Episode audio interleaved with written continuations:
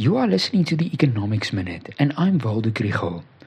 Yesterday, the NWU Business School announced that the policy uncertainty index figure for the fourth quarter of 2023. Policy uncertainty is when there is uncertainty about government policy or its consequences. Although the index is still deep in negative territory, it has decreased for the second quarter in a row.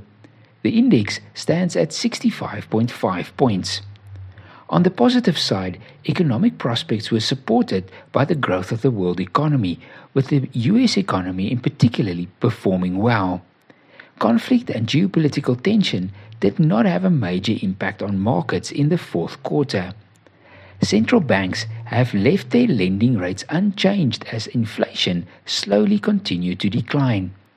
In the South African context, the unchanged repo rate was also a plus point and after the AGOA summit in November, it seems that there is a good chance that the trade support legislation will be renewed.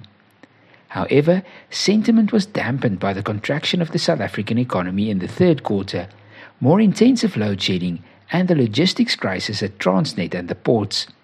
Consumer confidence and business confidence remain low.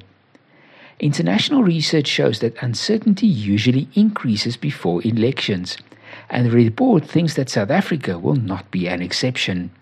For example, policies such as the national health insurance have, are more about electoral promises than about the healthcare services government can afford to provide. But it creates uncertainty about the sustainability of fiscal policy. The NWU Business School is the main sponsor of the Economics Minute, so stay tuned.